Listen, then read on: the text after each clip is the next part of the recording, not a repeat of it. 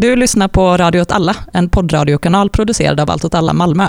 Radio åt alla utgörs av flera olika serier. Du lyssnar just nu på Välkommen till Malmö, en serie om kommunalpolitik och stadsutveckling i Malmö från ett radikalt vänsterperspektiv. Dirty old town. Dirty old town. Hej och välkomna till Välkommen till Malmö. Jag heter Fredrik. Jag sitter här med Erik Halloj! och Kajsa.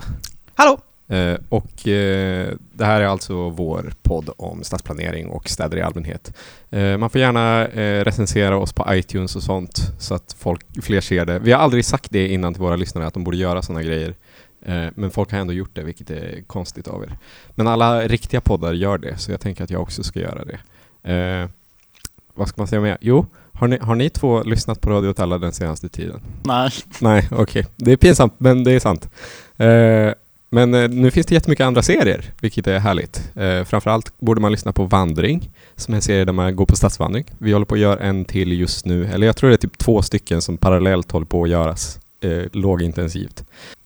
Men, eh, eh, vad ska vi göra mer idag? Jo, vi ska, eh, först ska vi prata om en lyssnartävling, eh, som Erik har koll på, som du har hittat på. ja, eh, för... Ja, glädjande kanske. Så har sushikrogen Sakanaya eh, konkat. Eller inte konkat, men den ska flytta till Södertull och kom igen, vi alla vet egentligen att de har konkat. Men, men vad är det för restaurang? Det är då en lyxig japansk eh, sushi-restaurang. Eh, där deras grej var att de skulle ha liksom lite ned, eh, ned, neddämpad belysning, det ska vara lite Ja men lite så här med intimare känsla Mm. eh, Och sen skulle det kosta jättemycket för sushi Och de hade som måltidsdryck prosecco Det var liksom, Men, men grejen med det var att det låg på Möllan. ja det var lyx på Möllan Ja. Davids halls lyx Mm. Mm. Vart på Möllan låg det så att folk som aldrig var där, exempelvis jag, kan navigera mig? Ja, så det låg, eller ligger, det har fortfarande inte flyttat den, eh, mellan Bellsgatan och Södra Förstadsgatan Mitt emot vet ni och bredvid shawarma-giganten och tävlingen är helt enkelt att man ska gissa eh, vad som kommer hamna där istället. Ja, Hur, hur, hur ska man... Man får väl mejla oss. Eller så skriver man i något av våra kommentarsfält. ja exakt så. Och vad är vår mailadress? eh, Malmo.altatalla.se Och sen eh, som pris får man väl något skit, något tröja eller något. Ja, eh, Någon någon, något sånt. Eh, och vi drar en vinnare när, ja det öppnar något nytt. Jag att, Det kan potentiellt vara så att många gissar samma och då kommer vi, får vi väl avgöra vem som har mest rätt eller bara Lotta. eller bara Lotta. Så, om, så ju Lotta. mer specifik du är i vilken sorts falafelställe det kommer vara, ju bättre. Eh, men det vi egentligen ska prata om idag, det är gentrifiering, för det här är gentrifieringsspecial av vår podd. Vi brukar inte gå in jättedjupt på teori och sånt, utan vi pratar, brukar prata om väldigt specifika saker. Eh, men eh, efter att ha gjort den här podden i snart två år tror jag, har det känts som att vi behöver göra ett avsnitt som bara handlar om vad gentrifiering är egentligen, så att vi inte bara sitter och kastar det ordet ur oss utan att riktigt veta vad vi menar själva eller att våra lyssnare förstår vad vi menar. Så, Betyder, betyder flytten av den här lyx-sushi-restaurangen att Möllevången inte håller på att gentrifieras? Jag säger nej till det. Jag säger bara att de placerar sig på fel del av Möllevången. För skulle man gå wow! till den andra sidan av Folkets park, alltså från Möllevångstorget sett, då så kommer man se att där finns väldigt mycket bostadsrätter. Där öppnar så här väldigt eh, mysiga och hippa kaféer upp. Eh, och eh, det är liksom, det är som, och det finns gallerier, alltså det är en helt annan stämning på den sidan. Fast De samtidigt, valde att bara placera sig bredvid Sunkika. och shawarma-giganten. Men, men samtidigt så har du ju Takerian där också. Som stängde ner. Ja, den, fast den, ja, fast den var inte helt exakt, den var som mitt emellan. Alltså, om man har Folkets Park som utgångsläge, så var den som mitt emellan den andra sidan om Folkets Park och sidan närmast Möllan. Det är liksom ett ingenmansland där Ja, fortfarande. alltså jag tror att Möllan eh, eh, håller på att gentrifieras långsamt och har gjort det i 40 år typ. Men att, eh, men att nu kan vi liksom, vi kan inte se den liksom, den lyx-sushi-gentrifieringen om man inte Eh, alltså specifika gator är fortfarande viktiga på ett sätt som ett genomgentrifierat område är det inte så. Ja, och det är också så här, ja men okej, de försökte gentrifiera med sushi. Man bara, kom igen, det är 2009. Men jag tycker också att det är viktigt att punktera här att, att vår gemensamma åsikt i den här frågan är ju att huruvida det finns en lyxsushi-restaurang eller inte på Möllan har liksom ingen som helst relevans för eh, vår teoretiska syn på gentrifiering. Nej, men, men eh, absolut. Men det, Så men svaret är nej! det, svaret, svaret är absolut nej. Men, men det är ju fortfarande så att en, en sushi-restaurang skapar inte gentrifiering, men en sushi-restaurang finns bara, en lyx-sushi-restaurang finns ju bara i gentrifierade områden. Om man säger så. Okej. Det, det finns ingen kausalitet däremellan, men, men, men eh, det tycker jag är, för det tycker jag är en grej som är så, de områden som är på väg att gentrifieras men inte riktigt är fixade än, där har du fortfarande specifika gator som där liksom den sortens gentrifiering syns. Mm. Eh, för det blir fortfarande jättespecifikt till gatorna. Alltså, Mm. Det måste fortfarande röra sig mängder av människor igenom och sånt. Eh, Och det menar du att man kan se på Möllan? Eh, Det kan man se på vissa delar av Möllan. Alltså, eh, exempelvis där borta vid Folkets park. Det är inte, alltså jag tror inte att det är att den delen av Möllan gentrifieras snabbare. Utan jag tror det är att det är mer människor som flyter igenom där. Mm. Eh, av den sorten. Ja. Alltså på väg till Sankt Knut och sånt. Den sorten. Den sorten. Som är på väg Sådana till som inte vi är. Den andra. men men om, man, om man då ska hårdra det, vad är gentrifiering? Alltså i dess mest grundläggande beståndsdelar. Jag har en definition. Mm. Gentrifiering är eh, eh, demografisk och ekonomisk förändring av en plats i samband med eh, återinvesteringar i den byggda miljön. By- men om man ska koka ner ännu mer, bygger det på att eh, en sorts människa åker ut och en annan sorts människa åker in? Ja, Okej. det är förändring av demografin liksom uppåt i klasskiktningen. Mm. Men ja, men problem, ja. Det är ju helt sant. Det är, inte, det är inte jag som har hittat på den Nej, nej, absolut. Bara så att Det, det, är, det är ju jättesant att, att det är det. Jag har Men, läst den i en bok. men, men samtidigt så finns det ju ett annat begrepp som förklarar exakt samma sak som är förträngning, eller bortträngning. Mm. Eh, och när jag tänker kring gentrifiering så tänker jag, för, för jag tycker att gentrifiering ska vara någonting mer, för jag tycker att den definitionen blir så himla tom. Mm. För då blir det, det finns så himla få ställen där det händer och det händer i så specifika tillfällen. Alltså det händer ju konstant lite överallt men det går liksom inte att pinpointa, det där är gentrifierat. Ja, men jag, ja, men det är ju, jag skulle väl snarare säga att problemet med hela ordet eller eller begreppet, om man använder den definitionen, snarare är det du är inne på Mm. nu, alltså att det är alldeles för generellt. Typ. Eller för, inte för generellt, men alltså att det beskriver en process som är liksom, omfattar allting hela tiden. Mm. Fast ja, men, men ja. Jo men alltså det är både för generellt och för specifikt tycker jag, den definitionen. Okej, Okej, men om du skulle, du vill lägga till någonting, vad skulle du lägga till? Men jag vill inte, jag vill mer, alltså jag tror inte man kan lägga till för jag, jag kan inte tänka kring sånt här vetenskapligt, för jag sysslar inte med sånt här vetenskapligt. Nej. Jag har inget intresse för det. Så jag behöver inte den perfekta definitionen som förklarar det. Liksom. Jag behöver inte ett perfekt begrepp. Liksom. Men för mig så blir det så konstigt när man pratar om gentrifiering och, och det bara handlar om eh, X-människa in, X-människa ut, eller Y-människa ut. Mm. Eh, för det som oftast händer idag eh, och har hänt ganska länge är ju bara att hyrorna och fastighetsvärdena pressas uppåt medan samma människor tvingas utsätta sig själva för det. Snarare Mm. än att flytta så låter man sig utsättas för det. På grund Mm. av att det finns en bostadsbrist så det är så. "Ah, ska jag flytta då? Nej. Eh, det gör jag ju inte. För att jag har ingenstans att flytta till. Och då blir det ju ingen gentrifiering enligt den definitionen. Nej. Men det är exakt samma saker som har liksom hänt innan. Nej, jag tycker att det är en vettig utgångspunkt för att man har ju lite känslan av att eh, gentrifiering som ord är eh, lite förlegat. Eh, för att det eh, beskrev någonting när det myntades som var väldigt specifikt. Mm. Liksom. Men den mesta utvecklingen liksom inom typ akademin om det här begreppet har ju bara liksom gjort det allt mer och mer typ generaliserat och liksom allmänt kring bara generellt vad som händer i städer typ. Och eh, det beskriver egentligen bara ja men typ eh, symptom på andra saker som är mer relevanta att prata om. Mm. Men så jag, det, min utgångspunkt var lite så här, men gud, jag så himla, eller det här ordet känns så himla överflödigt. Typ. Men det kan ju också vara ganska nice att ha ett ord som ändå ganska många människor känner till Mm. och eh, som, som väldigt, eh, på ett väldigt tydligt sätt eh, beskriver eh, klass, Mm. i staden. Så på det sättet är det ganska nice.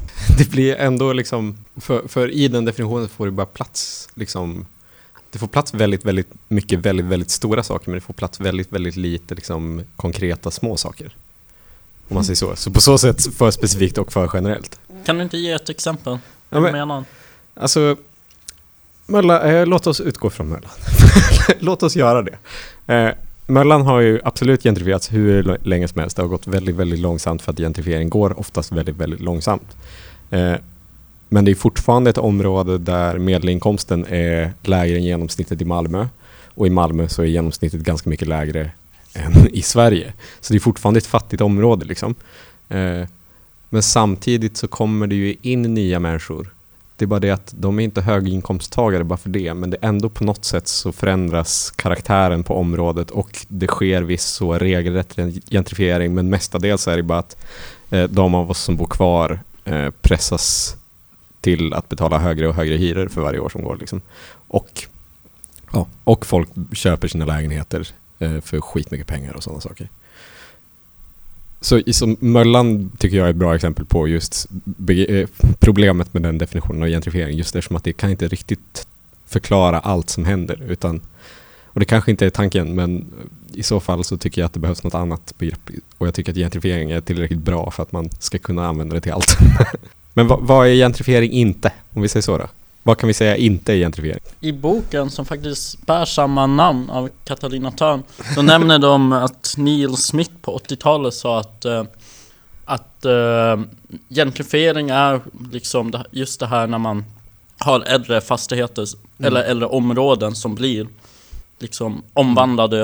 Eh, Men att eh, Men att eh, när det handlar om nybyggnationer så är det snarare liksom en Vad han kallar för urban omvandling Mm. och liksom att han försökte liksom skilja åt liksom och på så sätt göra det här begreppet gentrifiering lite smalare än Mm. att bara ha, handla om allting.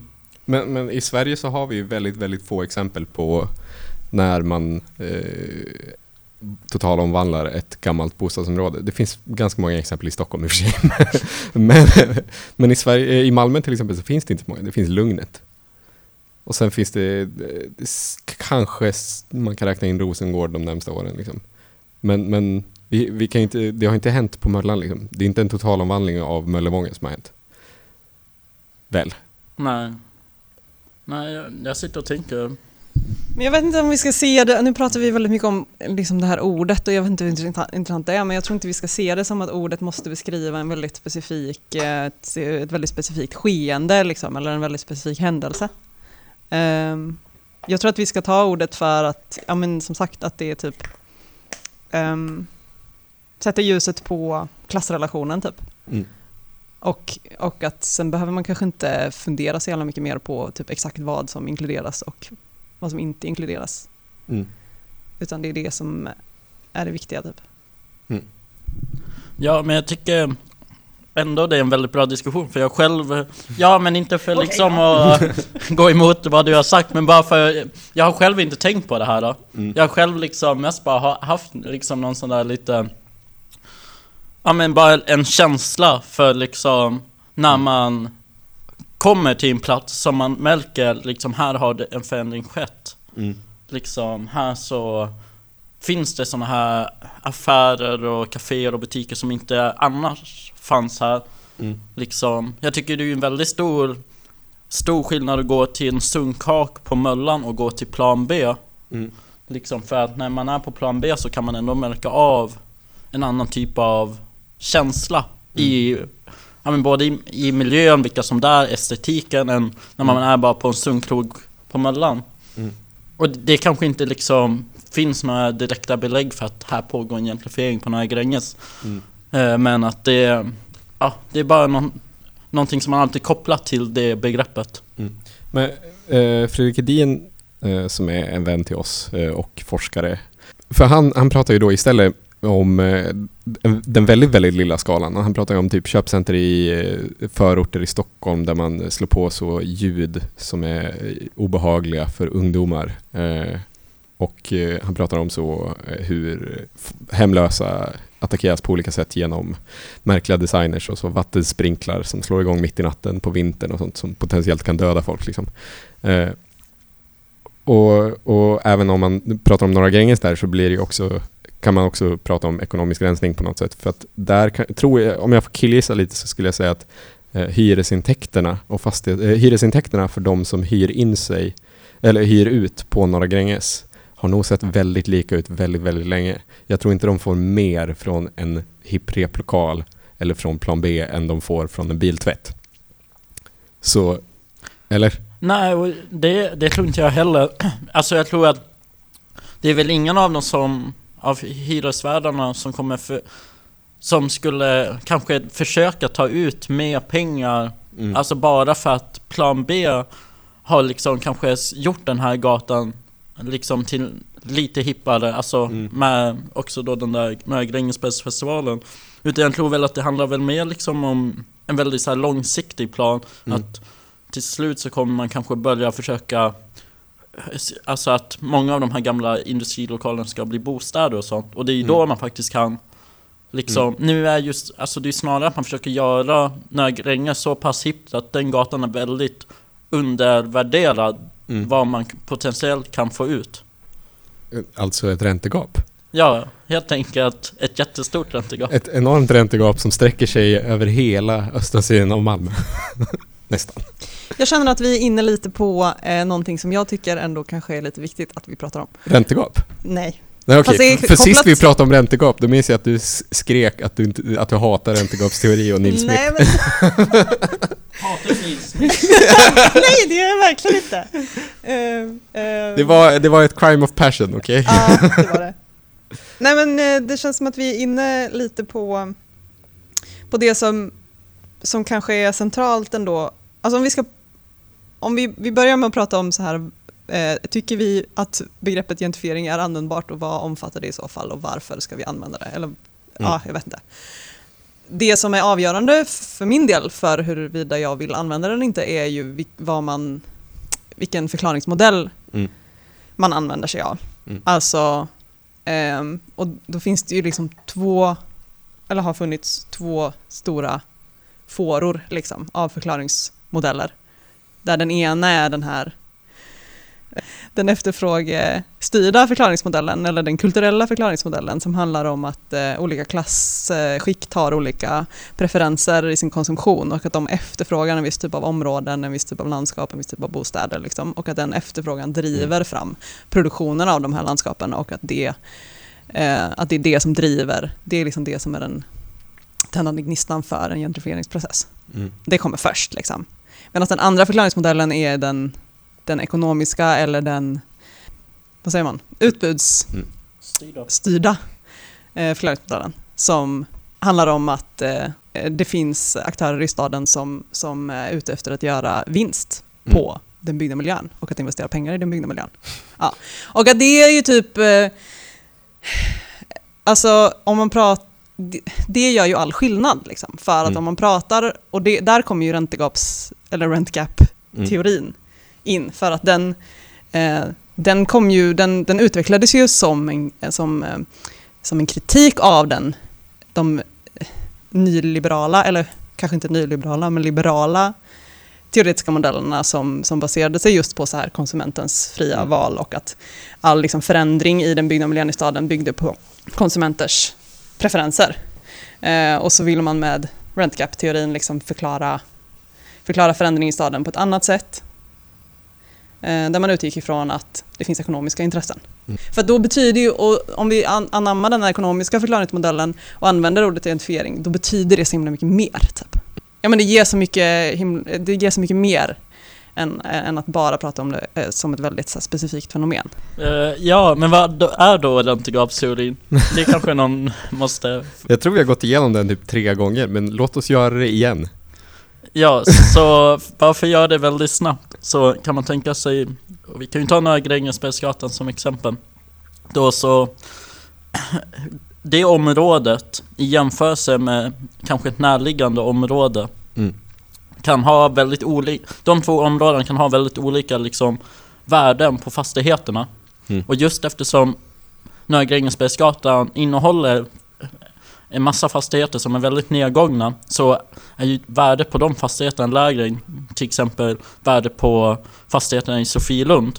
Mm. Och det som händer är att fastighetsägarna i, på Grängesbergsgatan sakta men säkert fattar ju att ja, men de skulle ju potentiellt kunna höja Mm. värdet på sina fastigheter till samma värde som eh, fastigheterna på Sofielund. Och det är ju det som gör Norra Grängesbergsgatan till ett räntegap. Räntegapet är då liksom Alltså den Det förmodade värdeökningen man skulle kunna få ut på sin fastighet. Mm. Det är liksom Det, det, det kommer ju från engelskans rent gap, alltså Mm. Rent är ju Hyra, Ja. inkomster. Ja, och gap är ju ett gap. Ja, Mm. Men, men eh, eh, det handlar ju också om rumslighet. Att, eh, I alla fall när Neil Smith pratar om det så eh, handlar det ju också om just en relation mellan centrumet och någon slags utsida till centrumet. Att, att det som finns strax utanför centrumet är någon slags urban front eh, där, eh, där saker går ner sig eh, i takt med att, att centrumet utvecklas så låter sig, eh, låtes eh, det som finns utanför det gå ner sig för att det sen till slut blir värt att bygga ut centrumet. Om vi då ko- kokar ner gentrifiering så är det nu alltså när personer flyttar in eh, och ersätts med andra till följd av ökade fastighetsvärden och eh, vinst, vinstuttag. Men vad är det då som ökar fastighetsvärden? Mänskligt arbete. Förklara dig. Nej, men jag, är fortfarande inne på rent gap-teorin. Och den, eh, är ju, den tar ju sin utgångspunkt i någon slags marxistisk teori som jag inte kan. Men eh, ehm, som, som handlar om mark typ. Och land, eh, eller vad heter det, ground rent typ kallas det. Markränta. Alltså, ja men precis. För att inom Marx, jag tror, var det inte så att Marx eh, ehm, för honom så var ju landlord-klassen, Mm. alltså folk som sitter på resursen mark och äger mark, är liksom en alldeles speciell klass. Eh, som har sin alldeles lilla speciella liksom, roll i kapitalismen. För den producerar ingenting. Ja, utan precis. den bara sitter på saker. Exakt. Ehm, vad var det vi pratade om? Eh, vad det är som skapar värdet på fastigheterna.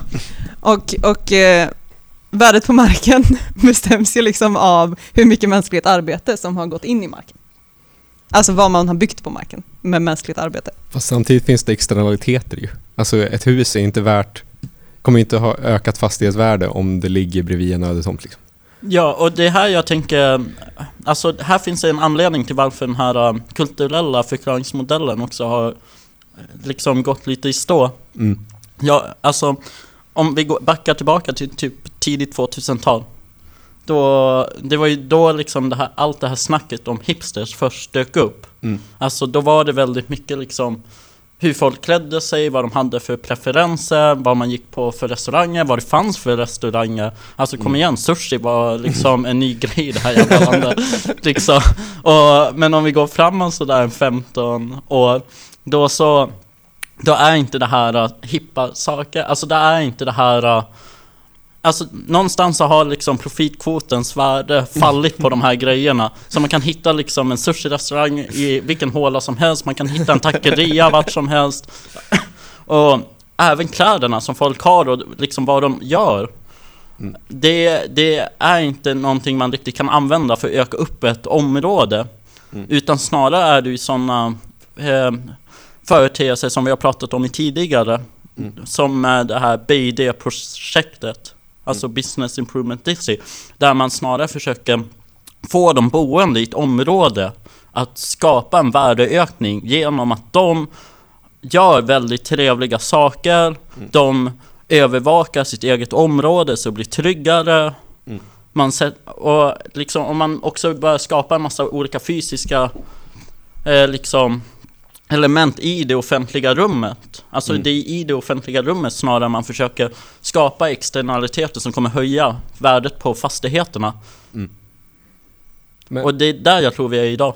men skulle du säga att de externaliteterna då är mä- mänskligt arbete? Ja. Alltid, utan undantag? Ja. Jag vet inte det. Det, det, det är här jag börjar, det är exakt här som jag börjar diffa ifrån eh, den klassiska marxistiska förståelsen av gentrifiering. Det är nu det händer. Hädelse. Men, men vad skulle det, dessa undantag vara? för jag tycker inte att, jag tycker inte att man bara kan bortse ifrån externaliteterna på det sättet. För jag, jag tycker att det blir så jävla liksom, för då tar man inte vad de säger på allvar. Då tar man li- liksom inte the landlord-klassens eh, på allvar med vad den säger är värdeökande. Utan då eh, sitter man ju bara och så skriver ner så. Nej, Men jag tycker vad, jag förstår inte, vem, vem är det som bortser från externaliteterna? Alltså, eh, den klassiska marxistiska förståelsen av gentrifiering bortser Mm. väldigt mycket från externaliteter. För den bara fokuserar på så eh, stora investeringar av kapital. Eh, och att det liksom inte, det finns liksom inget perspektiv på de människorna eh, som finns i de här områdena som producenter av området. Mm, Om man säger okej. Ja, jag förstår vad du menar. M- Men är inte det de gör mänskligt arbete? Jo, men jag tycker ändå att den klassiska eh, marxistiska förståelsen bortser från det fullständigt. För, för det är där man börjar komma in i en så kulturell förståelse eh, som jag i egenskap av postmodern. Eh, Men jag menar, Hammar. ska man inte alltid se marxistisk teori också mer som vapen än som teori? Jo, Ja. det. Så då kan ja, vi väl liksom absolut. bara sluta basha på typ konstnärer och sånt. För att liksom, så här, alltså någonstans så får man ju, alltså det handlar ju om vad man har för intressen i förhållande till vem och vem som har liksom motstridiga intressen. Men, Så men, att jag menar, kan, kan vi inte bara acceptera det då, att det är liksom ett bättre verktyg för oss? ja, fast, fast jo, absolut. Men jag, jag tycker ändå att det finns en brist i att det numera finns en materialitet i kultur som inte har funnits innan. Du tänker att det inte har funnits innan? Nej, jag tycker alltså externaliteterna har blivit så himla mycket viktigare i fastighetsvärde. Mm, För fastighetsvärde har ju varit en icke-fråga tills för typ 60 år sedan. Alltså det har inte varit en stor grej. Eller alltså, okej, nu överdriver jag. Men det har liksom inte varit en, en big deal. Fast, fast det är ju bara för, alltså Jag tänker att man ska sn- snarare se det som att vi bör komma tillbaka till liksom en 1800-tals Liksom bostads Eller bostadsmarknad Mm. Alltså jag tänker att det som hände under ni- 1900-talet fram till typ 60-70-talet Det är ett undantag Mm. Det var då liksom Det var de typ 70 åren där det snarare handlar om att bara hålla nere löner genom Mm. att hyror skulle vara låga. Mm. Alltså om hyrorna var låga behövde industrin inte betala ut höga löner. Mm. Eh, Men nu liksom har det snarare skiftat. Mm. Och nu så ökar ju hyrorna. Och ja, så jag tänker liksom att det är snarare, ja att man ska, ja, Men, men det är också så att alltså den största, liksom, den, den absolut liksom, viktigaste formen av kapital just nu, som också är liksom den sfären av kapital som växer starkast och liksom spränger gränser och eh, gör så att ekonomier faller sönder eller eh, bommar, är ju, är ju finans och fastighetskapitalet i tät förbindelse. Liksom. Eh, Medan du har så bilfabrikskapitalet som är på dekis. Liksom. Eh, och, och i, det är en helt ny situation. För så har det aldrig varit innan. Alltså så, eh, det, går, det går inte att jämföra med 1800-talet heller. Det går ju att jämföra med kanske så, jag vet inte. Nej, jag tror inte det. Det finns inget exemp- historiskt exempel på den situationen som vi är i. Men vad har det att göra med eh, kultur? Jo, för att om, eh, i den situationen så måste det ju finnas liksom förklaringar till varför fastighetsvärden ökar eh, som inte är att mer mänskligt, eh, eh, eh, som inte, eh, som är någonting, alltså vad är det som har hänt? Kan man säga. Om man säger så. Men vad, alltså rentgap-teorin bygger ju på att det finns ett potentiellt Mm. värde. Så att, och, och jag menar, det potentiella värdet är ju också värde på ett sätt. Mm. Eh, alltså att, att ehm, liksom förväntan på värdet också är värdet. Liksom. Mm. Så att då, då, då är det ju inte... Och i det Skaka på huvudet. Eh, Vad har hänt med vår Nej men då, då, då är det ju inte, då kan man ju inte säga att det, är liksom, det ökade värdet är en direkt följd av investerat mänskligt arbete på en plats i en fysisk byggnad. Så att, så att jag menar, det, allting, hela, hela den här eh, teorin som har någon slags marxistisk grund bygger ju inte på att det bara är att någon står med en såg och en hammare Nej. som ökar värdet. Nej. Rent cap-teorin bygger, eller? Rent nu är jag ute och Nej men så rent gap-teorin, om man ska säga något så här, rent gap-teorin utgår ju från kapitalet, helt och hållet. Ja, Det är ju, det är, kapitalet gör det här för att skapa det här. Eh, Medan jag tycker att, på något sätt så tycker jag att det är ganska omarxistiskt. Faktiskt. Ja. För att det, det som är gött med marxismen är att det i varje liksom, värdeökning och i varje liksom, allting som händer så finns det alltid en motsättning, eller eh, mängder av motsättningar. Liksom. Ja. Det sker alltid arbete eh, som utförs av någon på order av någon. Eller inte ens nödvändigtvis på order av någon, men det sker ett arbete liksom, eh, som resulterar i någonting. ja. Eh, I rent cap-teorin så blir det så sterilt för det är bara, eh, här har vi en tom yta, investera, värde öka. Medan jag tycker att om man, om man ska ha en mer liksom, true, eller så mer tillämpningsbar eh, eh, förståelse av gentrifiering av typ områden som Möllan så måste man liksom förstå att det, det som vi som bor på Möllan gör när vi går på gatan, när vi är liksom, Ja. när vi umgås, när vi Ja, ja, i, I praktiken så är det vi som gör Möllan till det goda området där. Det, är inte, det är inte att det står en marknad där Nej. som gör Möllan nice, utan det är ju att det är hundratusen människor som går till den marknaden och har det trevligt som gör Möllan nice. Det är ju inte krogarna som är Möllans sales pitch, utan det är ju att det är så jävla god stämning på krogarna. Och vilka är det som skapar den? Jo, det är människor. Ja. Så då måste vi på något sätt förstå det de gör Mm. som arbete. För att på något sätt så blir det en externalitet till gentrifiering. Absolut. Jag, Men nu blir alla marxister obekväma. För nu börjar man Nej. på något sätt toucha kultur och man börjar så här. Arbete? Nej men det är ju, det är ju avlönat och det sker under specifika arbetstider. Men ja. Nej men jag tänker bara liksom, kan man inte då förstå det som att de, det som vi finner är gött.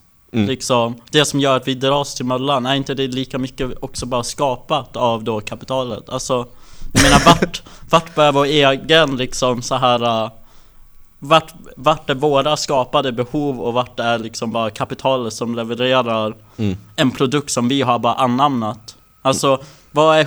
Ja men ta plan B på några Gränges. Ja. Alltså hur mycket är det skapat av oss som brukar plan B? Mm. Och hur mycket är det skapat av liksom de där två snubbarna i plan B och deras fastighetsägare för att höja värdet på några Grängesbergsgata? Alltså Ja. vart börjar och sluta, vart börjar vi och vart slutar kapitalet? Ja Jag men vet inte. välkommen till eh, marxismen, det är ju så det är. Alltså att det finns ingen utsida och det finns liksom det finns inga raka motsättningar utan alla motsättningar är liksom Nej nej, men jag tycker inte räntegapsteorin är mindre applicerbar Nej nej absolut, men jag tycker ändå att den är steril. Typ. Alltså jag tänker att det ändå finns lite utrymme. Också typ att det inte är så här, det är ju inte en, det är ju inte en ekonomisk teori. Liksom. Mm. Alltså det är ju samhällsvetenskap. Mm. Eh, som, som har förklätts i någon slags ganska krångligt språk med Mm. så här olika termer Och, som gör att en man tror att det är... obegriplig graf. Ja men exakt, som gör att man tror att det är en ekonomisk teori. Men det är ju inte det. För att till exempel så går det ju liksom inte att mäta i verkligheten. Det går liksom inte att så direkt ta den och bara så undersöka ett verkligt sammanhang gentemot den. Alltså det är jättesvårt. Typ. Mm. Det är inte heller, den är inte heller gjord för att förutse någonting. Mm. Vilket man skulle kunna tänka att, att en teori skulle kunna vara. Eller att man, ja, att man skulle kunna så förutse var gentrifiering kommer att ske härnäst. Men det är den ju inte. Utan det är ju typ bara ett sätt att eh, Ja men ett sätt att förstå förändringar i den byggda miljön som typ när den, när den utvecklades var jävligt relevant i som Mm. kritik mot den, liksom, eh, den förhärskande liberala teorin Mm. kring det. Ehm, och jag tror att det, alltså för min del så finns det det, ja, jag vet inte, nu kanske jag byts på lite, men, men för min del så finns det vissa grejer som, som jag eh, som jag tycker man kan hämta någonting, eh, lite insikt ifrån den. Som kanske framförallt har att göra med just det här med det som man kallar så här eh, disinvesteringar Mm. i den byggda miljön i staden. Alltså att den teorin, alltså när folk som skriver om räntegapsteorin sk- beskriver ju frånvaron av investering som ett aktivt val. Typ. Ja. Alltså som ett ekonomiskt eh, eh, rationellt, eller inte rationellt kanske då, men som ett ekonomiskt, ett strategiskt val. Ehm, Och det tycker jag typ att man kan ta med sig. Alltså att man fattar så här att, att man fattar, ja men till exempel eh, ödetomten på Industrigatan är typ ett jättebra exempel. Alltså gamla Sorgenfri-läget. Ja, exakt. Ehm, där det är så, det är, en, det är en snubbe som har ägt den tomten typ hur länge som helst och absolut inte gjort någonting med den. För att det är ju inte ekonomiskt strategiskt för honom att göra någonting vettigt med den tomten som folk kan använda. Mm. Ehm, och sen så skedde det ju en, en eh, liksom, sån mikrogentrifiering när man eh, vräkte alla de som bodde på den tomten. Men just det tycker jag är intressant för det är ju liksom en grej som, alltså man måste också komma ihåg att det här dök ju inte upp med Neil Smith och det dök ju inte upp med nyliberalismen. Nej. Det är väl lite därför jag menar liksom att vi har gått tillbaka till 1800-talet för om man kollar liksom i historien så har ju såna här äh, Ja men så har ju den här äh, processen med bortläggning och med liksom disinvesteringar Mm. Liksom det hände ju redan på engelsk tid och det hände ju också liksom tidigt 1900-tal när den här Uno och Reno ja, gled runt genom Sverige och kollade på bostadsbeståndet. Mm. Ett, ett klassiskt exempel är väl Paris. Ja, Hausman. Ja. Och, och då var det ju liksom att det, man liksom hade, alltså det är ju det man kallar saneringar. Ja. Alltså att man har de här väldigt, man har hela kvarter som är väldigt förfallna. Mm. Och sen så går kanske staten in och Mm. bara liksom river allting för att bygga helt nya liksom bostäder och de tidiga boende måste flytta till någon annan del av stan. Alltså sådana exempel har vi ju fortfarande. Alltså å ena sidan, jag nämnde ju det Stockholm. Där finns det ju sådana exempel. Eh, Men även Pennygången i Göteborg kan man väl jämföra med det på något sätt. Men, men sådana saker händer ju också väldigt, väldigt mycket i eh, u-länder, skulle man kunna säga. Alltså så i Kina. Där har du ju en jävla massa eh, städer som bara rivs. Eh, och så bara fördrivs alla som bor där. Och så byggs det några asstora kåkar där liksom. Men eh, ja, Singapore, Taiwan. Men det känns inte så relevant idag i Sverige. Men om vi nu ska prata om teori Ja. så är vi ju inne på samma sak igen. Alltså att det som, eh, alltså apropå det här med desinvestering då. Mm. För det är ju liksom samma sak Mm. på ett sätt. Bara att man gör det lite snabbare. Mycket, mycket snabbare. Ja, med en bulldozer liksom. Och att det, nej men jag tycker att det är så himla intressant eh, typ och kan hjälpa en att förstå sin stad och sin byggda miljö liksom. Att det finns ekonomiska intressen i att inte investera pengar Ja. i fastigheter. Det finns ekonomiska intressen i att riva fastigheter. Alltså det finns liksom ingen, alltså det har ju Bruksvärdet har ju liksom ingen relevans här överhuvudtaget utan Nej. allting är- verkar ju vara så superirrationellt på ett sätt. Liksom. Mm. Eh, så att jag menar, det, man hade ju kunnat eh, riva skitmycket eller det hade ju liksom stämt in i samma logik. Så här. Och att den logiken hänger ju också ihop med eh, ja, men det som du var inne på innan eh, Fredrik. Mm. alltså att eh, framförallt i städer i västvärlden idag så är ju fastighetssektorn är ju liksom den stora sektorn. Eller så här, det är Ja. där ekonomisk liksom, eh, värdefull aktivitet sker. Um, fastighets och liksom spekulation och finansiering av den. Liksom. Eh, den är, det, den är ju, det är ju det centrala. Alltså det är det centrala i, i de städerna där vi bor åtminstone. Eh, och många andra också. Ehm, och att det, och då måste man ju, då måste man ju liksom Alltså jag brukar tänka så här. eh, Jag brukar tänka typ att eh, hus och allting som finns i en stad är liksom pengar. Mm. Och att pengar som står still liksom inte är värda någonting. Mm. Alltså det är ju, eller liksom, ja. Det är- Det, är ju inte det det betyder. Nej. Men att man måste tänka typ att eh, ekonomin liksom på något sätt rullar på, för att använda den Mm. metaforen. Eh, genom att man helt enkelt förstör saker och sen bygger upp dem igen. Mm. Eh, och att allt, hela den kapitalistiska ekonomin bygger på någon typ av kreativ förstörelse hela tiden. Och att gentrifiering är en, Mm. en del av det, eller ett symptom på den kreativa förstörelsen som pågår hela tiden. Liksom. Mm. I olika former. Ju framförallt i sosse-Sverige så har ju det varit viktigt för att vi har haft en så nära band mellan staten och byggbranschen.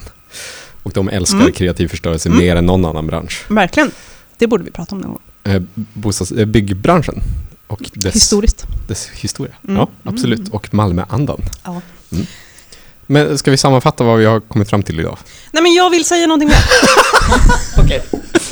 Nej men jag tyckte inte att, För att eh, Fredrik var ju inne på innan eh, det här med att han börja, har börjat bli eh, liberal.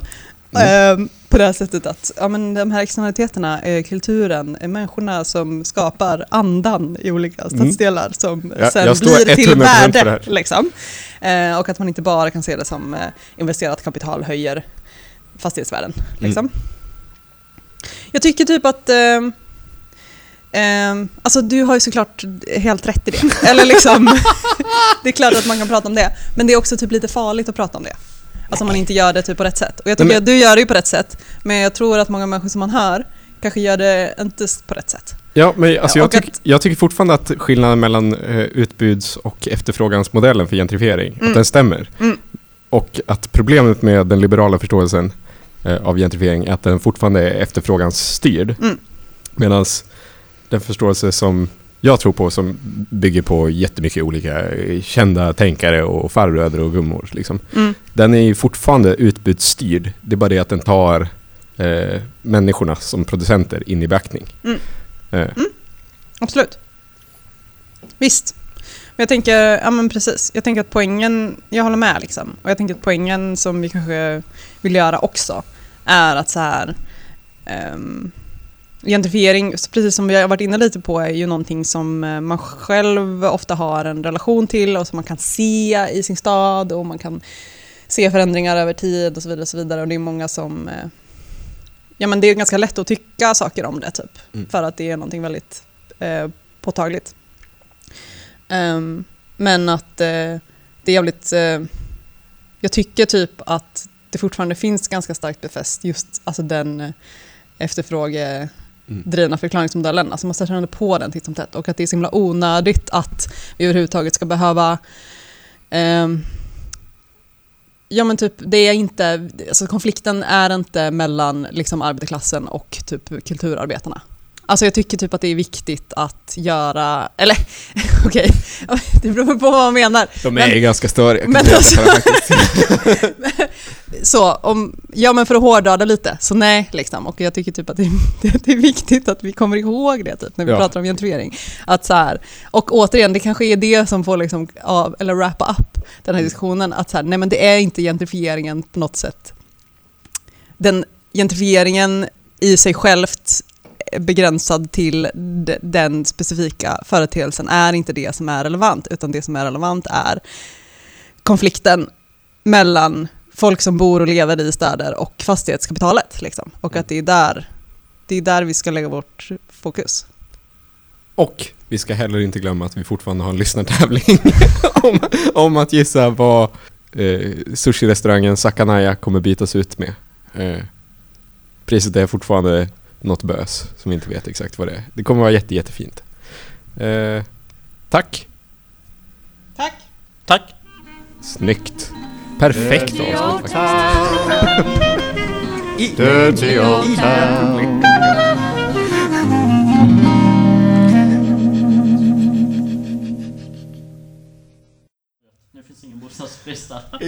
Det. är det fetaste är Vindens kommun. Vindens kommun kollade upp hur många som stod i deras bostadskö. I shit you not. Och eh, eh, var så, okej, det står 212 personer i vår bostadskö, eller något, jag minns inte exakt. Låt oss göra så att det kommunala bostadsbolaget bygger ett hus med typ 212 lägenheter. så bara gjorde de det. Och så bara bostadskön bara... Så lollar de. Men eh, det är roligt att man lullar åt det. Som att det vore något konstigt. Ja, för det är så en bostadskö ska funka. Det är ju det som är tanken med bostadskö. Att det ska vara så, jaha du vill bo här? Nej men då, men då fixar vi det! Medan nu är det så, jaha du är 18 år gammal och bor i Stockholm och du vill ha hela världen för dig när du är 25. Ställ dig i samtliga bostadsköer och betala 300 spänn per år.